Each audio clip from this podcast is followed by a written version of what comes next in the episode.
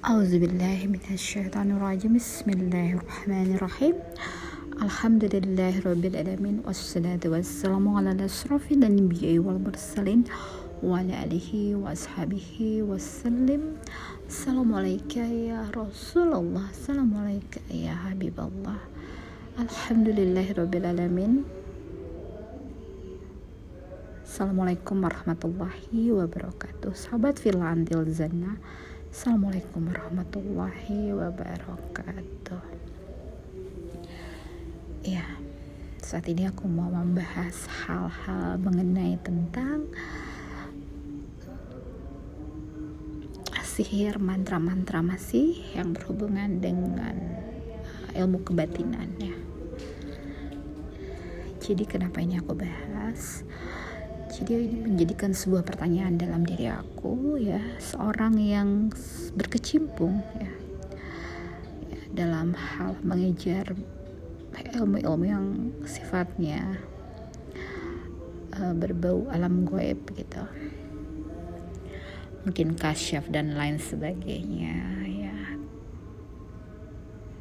Ya, hal ini perlu ditelaah dengan baik ya jadi aku di waktu ya kemarin selepas sholat rawih aku ngobrol tentang ya ada seorang yang uh, judulnya disantet ya.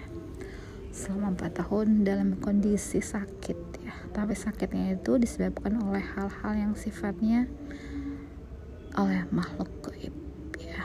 Santet itu hubungannya sama bangsa ya Allah alam bentuknya itu ilmu hitam atau ilmu putih. Nah yang menjadi pertanyaan aku. Ya dari ceritanya ini adalah dia termasuk yang memiliki torekah dalam arti penguasaan terhadap sholawat aja dia mendawamkan kurang lebih 9 sholawat ya. Macam-macam sholawat umi, sholawat fatih, sholawat munziat dan lain sebagainya. Ada 9 sholawat. Masya Allah tabarakallah. Yang menjadi pertanyaan aku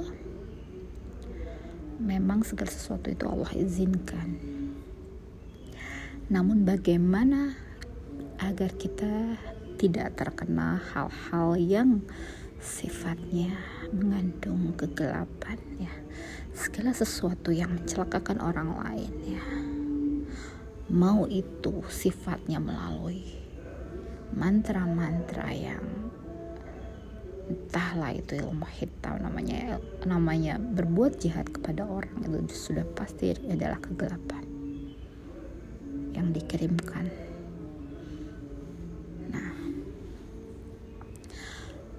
saat seseorang.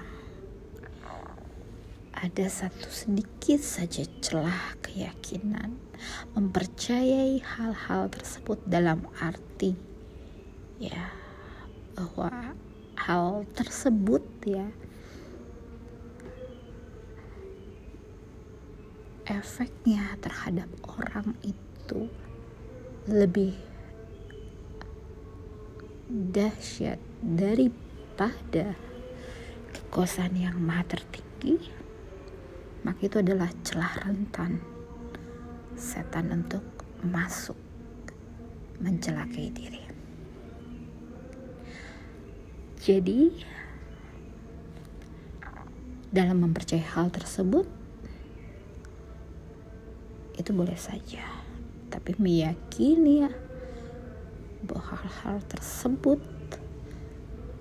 bisa mencelakai diri kita itu jangan sampai tertanam dalam hati. Ya jadi tetap harus ya memfokuskan menggantungkan bahwa segala kekuasaan tertinggi adalah milik Allah. Ya. Dan satu lagi pasang genderang perang pada makhluk-makhluk yang menjadi pesuruh-pesuruh manusia-manusia yang tak bertanggung jawab ini yang kerjanya mencelakai manusia pasang genderang untuk mereka. Ya bagaimana pasang genderang untuk mereka? Ya sensitifkan diri kita.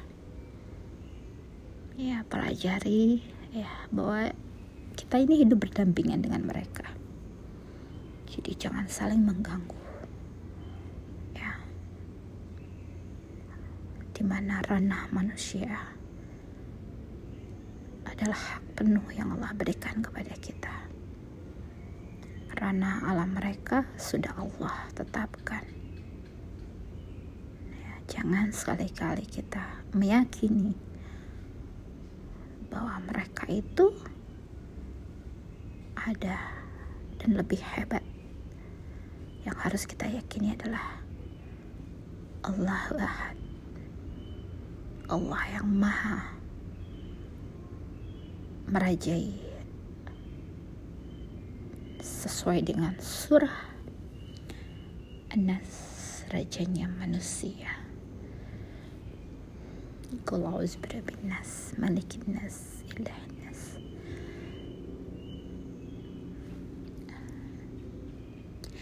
Insya Allah dengan segala apa pun harus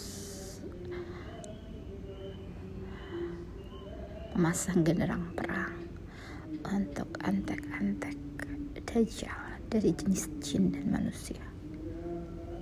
Dengan mantra sihir yang mereka gunakan sebaik-baiknya makar adalah makarnya dari Allah. Untuk itu jangan pernah kasih satu celah pun mereka ya. Dalam hal apa pun. Syariat tertinggi adalah syariatnya Nabi. Bagaimana mengobati diri dan mengobati orang lain ya. Cukup kuatkan tauhid kita. Cukup dengan hati yang bersih. Cukup merasakan apa yang orang lain rasakan. Semoga segala kegelapan, mara bahaya yang ditimbulkan oleh antek-antek dajjal ini sirna dari muka bumi ini tenggelam dalam jurang yang paling dalam. Jangan sampai mereka ya menyeruak ke atas permukaan bumi ini. Lantunkan segala apa kekuatan yang Allah berikan kepada kita melalui ayat suci Al-Quran. Dan jangan pernah ya melakukan sesuatu yang berdekatan dengan syirik. Ya, aku sering sekali mendengar tentang mahar ya bila ingin sesuatu apa dengan mahar terus segera disingkirkan. Yang mau kebatinan terus segera disingkirkan. Karena akan membahayakan diri kita sendiri. Akan membuat celah mereka untuk bisa berdiam di diri kita. Itu jangan sampai terjadi. Ya bentengin diri kita dengan kekuatan hati. Cahaya ilahi salat pada nabi. Dan kokohkan tauhid kita dengan meniadakan Tuhan-Tuhan selain Allah jangan pernah ada dalam diri kita. Ya. Bahwa ada kekuatan yang lebih besar dari kekuatan yang tak ada. Itulah yang harus kita murnikan apa yang dinamakan. Bergantung hanya kepada Allah. Jangan pernah ya, kita membuat celah sedikit pun untuk setan bisa mengganggu kita, mendiami diri kita apalagi berlalu lalang di hadapan kita tahu jangan sampai ya jangan sampai mereka mendekati kita mendekati area tempat kita bernaung tempat kita berkasih sayang dengan yang maha menguasai seluruh alam. Ya Allah Allah telah tempatkan mereka pada tempat-tempat yang jauh dari pandangan manusia. Ya, jauhi makhluk-makhluk seperti itu. Jauhi ilmu-ilmu seperti itu. Ya.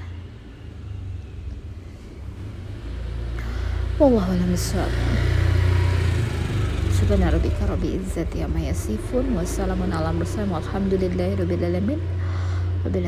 Hidayah. Assalamualaikum warahmatullahi wabarakatuh.